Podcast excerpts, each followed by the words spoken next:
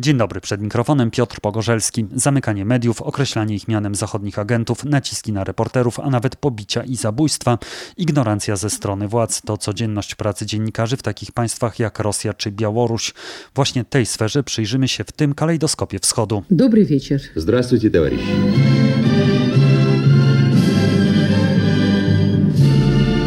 Cenzura i to, co nazwalibyśmy teraz ograniczaniem wolności słowa na terenach byłego ZSRR, ma długą tradycję. Można wręcz powiedzieć, że jej korzenie sięgają czasów Rusi Kijowskiej. Kolejni władcy Imperium Rosyjskiego stosowali ją z mniejszą lub większą siłą. Związek Radziecki kontynuował te działania, starając się ograniczyć rozprzestrzenianie się niekontrolowanej informacji dotyczącej sytuacji gospodarczej, w tym też na przykład zaopatrzenia sklepów, stanu wojska, katastrof, konfliktów na tle narodowościowym, a także wielu problemów społecznych. Generalnie każda informacja, która mogła naruszyć stabilność w społeczeństwie i rozbudzić jakiekolwiek wątpliwości co do charakteru panującej władzy, była dla niej niebezpieczna. Bolszewicy przystąpili od razu do dzieła, zamykając po rewolucji październikowej w 17 roku burżuazyjne gazety. Nawet w czasie nowej polityki ekonomicznej, czyli tzw. Tak NEP-u, okresu liberalizacji gospodarczej, gdy pojawiło się znów wiele prywatnych wydawnictw, Lenin zdecydowanie opowiadał się za cenzurą, ponieważ Związek Radziecki według niego był, cytuję, okrążony wrogami wszelkiej maści. Wówczas powstał Główny Zarząd do Spraw Literatury i Wydawnictw, czyli Gławlit. Na jego czele stała osoba zatwierdzana przez Komitet Centralny Centralny Partii Komunistycznej. Gławlit miał swoje oddziały w republikach radzieckich, a nawet we władzach obwodowych. Co pewien czas wypuszczano okulniki, gdzie wymieniano zakazane tematy. Cenzura miała charakter prewencyjny, to znaczy musiały ją przejść wszystkie książki, czasopisma i scenariusze, a także audycje radiowe i programy telewizyjne. Gławlit miał w różnych instytucjach swoich przedstawicieli, którzy odpowiedzialni byli za treści. Cenzora miał nawet petersburski Rock Club, o którym mówiłem w podcaście o tej samej nazwie. Zespół Zespoły, które miały występować na organizowanych przez tę instytucję imprezach, musiały przedstawiać listę piosenek wraz z tekstami. Jeśli wszystko było w porządku, cenzor stawiał litowkę. Cenzurowano też całe działy nauk humanistycznych, np. filozofię i socjologię poza klasyką. Przeglądano też zawartość bibliotek, z których początkowo usuwano i niszczono książki, które stwarzały zagrożenie dla władzy radzieckiej. Potem utworzono specjalne magazyny, gdzie chroniono tego rodzaju literaturę, a dostęp do niej mieli tylko wybrani. Oczywiście najostrzej cenzura działała za Stalina. Nie można było nie tylko czytać zakazanych autorów, ale nawet o nich wspominać. Sięgnęła wówczas nawet dawnych fotografii, z których znikali ci współpracownicy wodza, którzy popadli w jego niełaskę. W Związku Radzieckim nie można było poruszać konkretnych tematów, na przykład mówić o wielkim głodzie na Ukrainie lat 1932-33. O tym między innymi opowiadał film Obywatel Jones Agnieszki Holland. And any rumors of a famine are just that simply rumors. There are those who would like to see our revolution fail. Ciekawa jest historia z paktem Ribbentrop-Mołotow. O ile wcześniej Moskwa krytykowała III Rzeszę, to po jego zawarciu w sierpniu 1939 roku nie tylko zaprzestała to robić, ale też usunięto z bibliotek antyfaszystowską literaturę.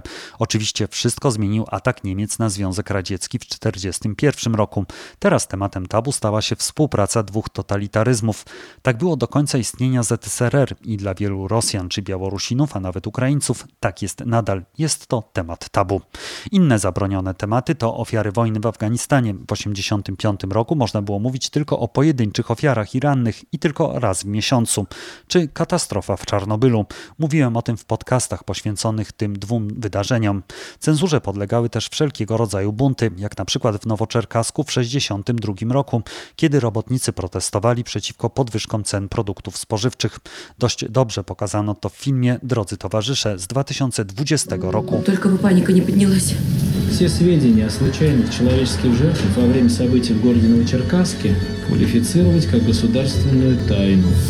Эти люди должны быть забыты. Об этом вообще говорить нельзя. Związek Radziecki miał też swoich pułkowników, filmy, które lądowały na półkach magazynów, ponieważ nie podobały się cenzurze. Na przykład obraz Żegnaj Ameryko Aleksandra Dowrzenki był kręcony w 1951 roku, ale zdjęcia przerwano. To, co udało się nakręcić, pokazano dopiero w 1996 roku. Jak w takim razie wyglądał dostęp mieszkańców Związku Radzieckiego do niecenzurowanych mediów?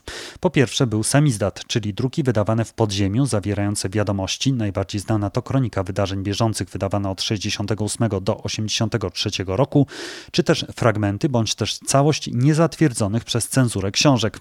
Sama nazwa to ludowa przeróbka nazw państwowych wydawnictw jak Goskomizdat czy Politizdat. Oprócz samizdatu był tamizdat, czyli druki wydawane za granicą i później przewożone do Związku Radzieckiego.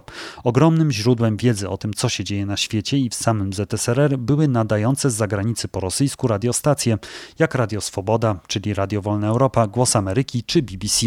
Słuchajcie, słuchajcie. Gawarit New York.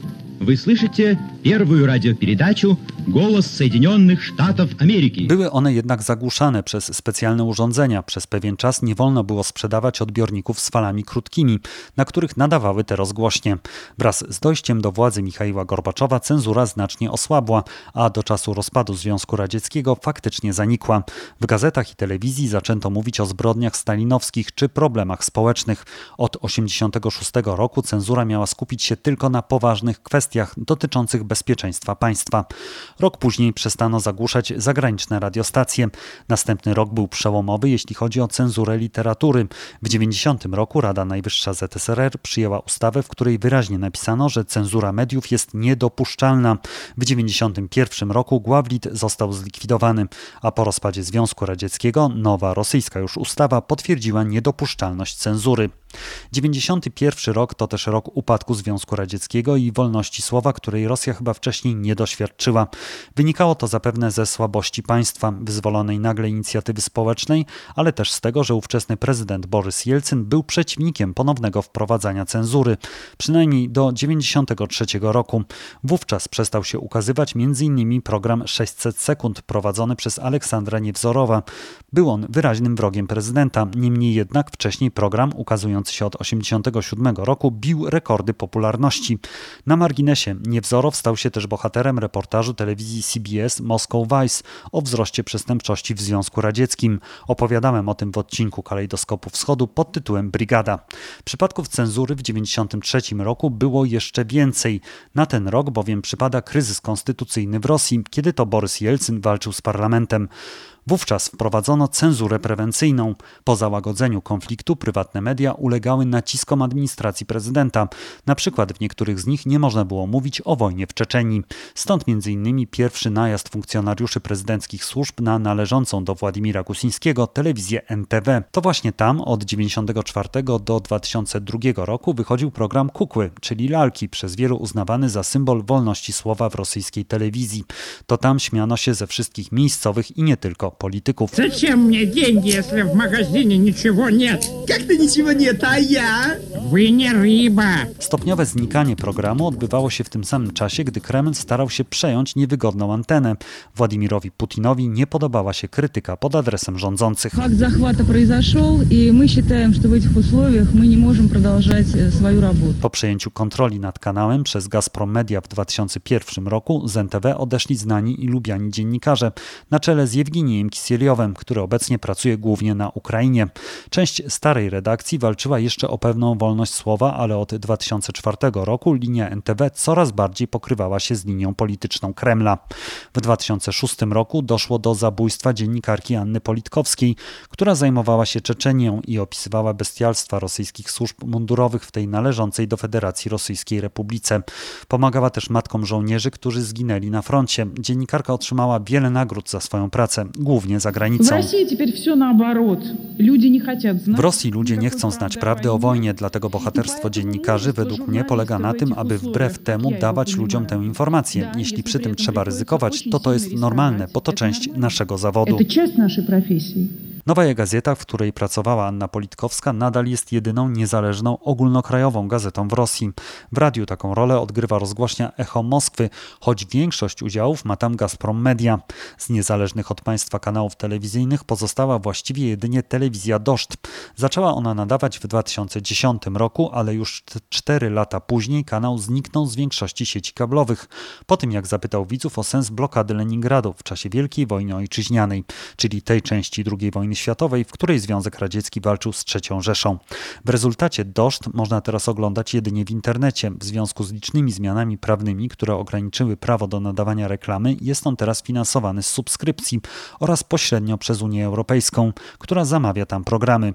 Kanał nie ukrywa sceptycyzmu wobec Władimira Putina, co było widać i słychać w czasie niedawnej gorącej linii z rosyjskim prezydentem, kiedy prowadzące z sarkazmem i humorem komentowały na żywo niezbyt ożywioną rozmowę Władimira Putina z narodem. Развиваться ситуация коронавирусной инфекции в стране или там, где ты живешь. Продолжается вот эта имитация живого разговора. Записное, Знали, что так будет. записная реплика Максима Саша. Саша говорит. W związku z tym, że media tradycyjne są już niemal w całości zawłaszczone przez Kreml, wolność słowa przeniosła się do internetu, ale do czasu w 2012 roku przyjęto ustawę, która pozwoliła na blokowanie stron internetowych przez Roskomnadzor. Do czasu decyzji sądu. Początkowo dotyczyło to głównie pornografii dziecięcej czy rozpowszechniania narkotyków, ale rok później dodano do tego apele o udział w zamieszkach.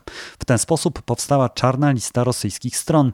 W 2014 roku zrównano blogerów, których czyta ponad 3000 osób, z mediami, nakładając na nich podobne obowiązki, ale nie dając im ochrony prawnej.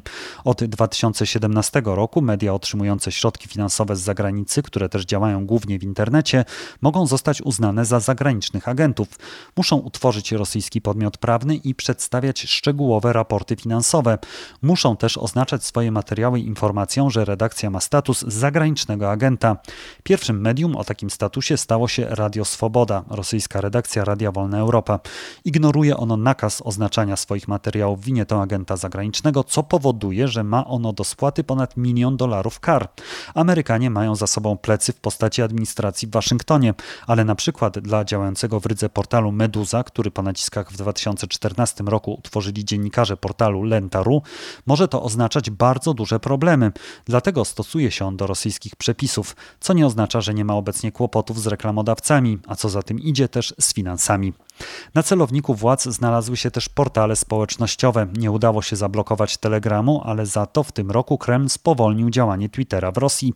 Miała to być kara za nieusunięcie od 2017 roku prawie 3000 materiałów zawierających zakazane treści. Na celowniku znalazły się też Facebook, Instagram, YouTube i TikTok, a nawet rosyjskie Wkontakcie i Adnoklasniki ze względu na zamieszczane przez użytkowników wezwania do udziału w antyprezydenckich protestach. Władimir Putin ma coraz mniejsze poparcie wśród najmłodszych Rosjan, którzy z nich korzystają, a telewizora nie włączają bądź robią to rzadko. Tymczasem we wrześniu odbędą się wybory do Dumy i Kreml dokręca ostatnie śruby. Moskwa pracuje też nad suwerennym internetem, czyli odcięciem runetu od światowych sieci. Na razie nie posuwa się do takich kroków jak Aleksandr Łukaszenka, który po sfałszowanych wyborach w sierpniu zeszłego roku po prostu niemal całkowicie odłączył na trzy dni internet na Białorusi. I tutaj dochodzimy do bardzo prostego wniosku. Podobnie jak w czasach radzieckich, jeśli chcemy uzyskać obiektywną informację o tym, co dzieje się w Rosji, musimy zajrzeć na media nadające z zagranicy, czytać stronę internetową i słuchać Radia Swoboda, oglądać Nastojaście Wriemia, która to telewizja jest wspólnym projektem tej rozgłośni i Głosu Ameryki, czy zajrzeć na portale Meduza i rosyjską redakcję BBC. Jedyną różnicą jest to, że dziennikarze tych mediów mogą pracować otwarcie w Rosji, przynajmniej na razie. Wszystko to sprawia, że Rosja jest na szarym końcu rankingów międzynarodowych organizacji monitorujących wolność słowa. Na liście reporterów bez granic Rosja zajęła 150 miejsce, spadając o jedno oczko w porównaniu z zeszłym rokiem. W rankingu Freedom House otrzymała 20 punktów na 100 możliwych, przy czym na okupowanym Krymie punktów było tylko 7 na 100, co świadczy o tym, że ograniczenia w tym regionie, zresztą podobnie jak w Czeczenii, są znacznie ostrzejsze. Według Freedom House gorzej jest tylko w poradzieckich republikach Azji Środkowej, poza Kirgizją, Azerbejdżanie i na Białorusi. I przy tym ostatnim kraju zatrzymamy się na dłużej. Amerykanie dają mu 11 punktów na 100. Reporterzy bez granic umieszczają na 158 miejscu. W państwie Aleksandra Łukaszenki już od dawna wolności słowa niemal nie było. Kanały telewizyjne należą do państwa i leje się z nich brutalna antyzachodnia i ostatnio antyukraińska propaganda. Powtarzają one dokładnie tezy rządzącego byłego prezydenta. Wybory w sierpniu były uczciwe, protestowały prostytutki i narkomani, a niepodległość Białorusi chce zniszczyć kolektywny Zachód. Zachód wraz ze swoimi pomagierami Litwą, Polską i Ukrainą. W kablówkach dostępne też są cieszące się ogromną popularnością rosyjskie kanały, ale tu też dochodziło do przypadków cenzury. Na przykład w 2010 roku przerwano transmisję telewizji NTV, gdy emitowała film Ojciec Chrzestny o przestępstwach reżimu Łukaszenki. Ci, którzy mają telewizję satelitarną bądź internet, mogą oglądać nadający z Polski Bielsat, a także czytać strony internetowe niezależnych mediów, jak wspomniany Bielsat czy Radio Swoboda. Ale od niedawna nie jest to proste, ponieważ są one masowo blokowane przez reżim. Prawo pozwalało na to od 2010 roku, ale do 2020 dochodziło do pojedynczych przypadków. Zablokowane portale są teraz dostępne jedynie za pośrednictwem VPN, czyli wirtualnej sieci prywatnej. Białorusini dość szybko nauczyli się korzystać z aplikacji na telefon i programów komputerowych, zapewniających im możliwość omijania blokad i szyfrujących połączenia. Na marginesie poziom rozpowszechnienia internetu na Białorusi jest podobny jak w Polsce. Ponad 80% mieszkańców ma dostęp do sieci. Reżim odpowiedział też prześladowaniem dziennikarzy nadającego z Polski Bielsatu finansowanego przez Amerykanów Radia Swoboda czy zarejestrowanego w Polsce Euroradia. Zaatakowano także miejscowe niezależne media na czele z prywatnym portalem Tutbaj i mającą ogromne historyczne tradycje naszą niwą. Jeszcze w czasie zeszłorocznych protestów dziennikarze byli zatrzymywani pod pretekstem udziału w nielegalnym zgromadzeniu, a dwie reporterki Bielsatu, Kacjaryna Andriejewa i Daria Czulcowa, skazane na dwa lata kolonii karnej. Zarzuty postawiono także 15 pracownikom zniszczonego przez reżim portalu Tutbaj, w tym naczelnej Marynie Załatawej. Obecnie, jeśli chcę się czegoś dowiedzieć z białoruskich mediów o tym, co naprawdę dzieje się w kraju, po prostu zaglądam na Telegram, gdzie każde z nich ma swój kanał. Tak też robią najczęściej Białorusini. Pytanie jak długo zejście do podziemia, tak jak w przypadku Meduzy, o której mówiłem wcześniej, oznacza bowiem także stratę rynku reklamowego, czyli finansów na działanie. Jednocześnie tradycyjne gazety spotkały się z problemem z prenumeratą i przede wszystkim z drukiem. Państwowe drukarnie odmawiały wykonania zamówienia. Także regularnie media są przeszukiwane przez funkcjonariuszy organów ścigania, a dziennikarze zatrzymywani na marginesie od 2009 roku działa organ dopuszczający filmy na ekrany kin. Jego istnienie akurat ma mały wpływ na to, co oglądają Białorusini ze względu na kwitnące pirackie portale. Zdarzają się przypadki uznania za ekstremistyczne książek, przykład białoruski Donbas Kacjaryny Andrejewej i Ili Iliasza, opowiadający o Białorusinach walczących w Zagłębiu Donieckim po różnych stronach frontu. Na tle Białorusi i Rosji wyróżnia się Ukraina, gdzie z pewnością można powiedzieć, że panuje wolność słowa i brak jest państwowej cenzury. Ale nie wszystko jest tak Telewizja publiczna ma marne finansowanie, choć jest obiektywna i niezależna od rządzących. Prywatne kanały telewizyjne, które dominują na ukraińskim rynku, są często zależne od polityki właścicieli. Nie przynoszą one bowiem zysku, ale mogą być wykorzystane jako narzędzie walki politycznej, chwalenia bądź krytykowania przedstawicieli władz lub polityków. Gorzej było jednak za czasów prezydenta Leonida Kuczmy, kiedy to z administracji prezydenta przychodziły temnyki, czyli temy niedzieli, czyli tematy tygodnia, pisemne instrukcje o czym mówić, a o czym nie. Można powiedzieć, że wówczas próbowano wprowadzić systemową cenzurę. Pomarańczowa rewolucja w 2004 roku przerwała ten proces, choć później za czasów, gdy szefem państwa był Wiktor Janukowycz, czyli od 2010 roku, znów dochodziło do przypadków cenzury. Tak było na przykład z wypadkiem, gdy na ówczesnego prezydenta spadł wieniec postawiony w czasie wizyty z Dmitrijem Miedwiediewem przed pomnikiem ofiar Wielkiej Wojny Ojczyźnianej w kijowskim Parku Sławy. Niektóre telewizje spotkały się z zakazem emisji filmiku. Niektóre nie pokazywały także pomyłek językowych, z których Wiktor Janukowicz był bardzo znany. My uważamy взагалі, що нашу територію нашої держави треба зробити небезпечною dla życia naszych громадян. Cenzura zaostrzała się w czasie rewolucji, zarówno pomarańczowej, jak i godności, ale wówczas najczęściej kończyło się to buntem dziennikarzy. Najlepiej oczywiście teraz wypadają portale internetowe. Ukraińska Prawda, Liga czy Nowoje Wremia to wiarygodne źródła. Są one niemal wolne także od tak zwanej dżinsy, czyli politycznej kryptoreklamy, która rozkwit przeżywała na początku lat 10. XXI wieku. Ukraina zmaga się za to z walką z rosyjską propagandą, blokując emisję niektórych kanałów telewizyjnych telewizyjnych i dostęp do portali mających siedzibę w Moskwie, ale to już temat na oddzielny odcinek. Jeśli spodobał się Państwu ten kalejdoskop wschodu, zachęcam do wspierania moich inicjatyw na Patronite i zrzutce oraz wciśnięcia przycisku subskrybuj, jeśli słuchacie tego odcinka na YouTube. Mile widziane jest też udostępnianie podcastu w portalach społecznościowych. Do usłyszenia żegna się z Państwem Piotr Pogorzelski.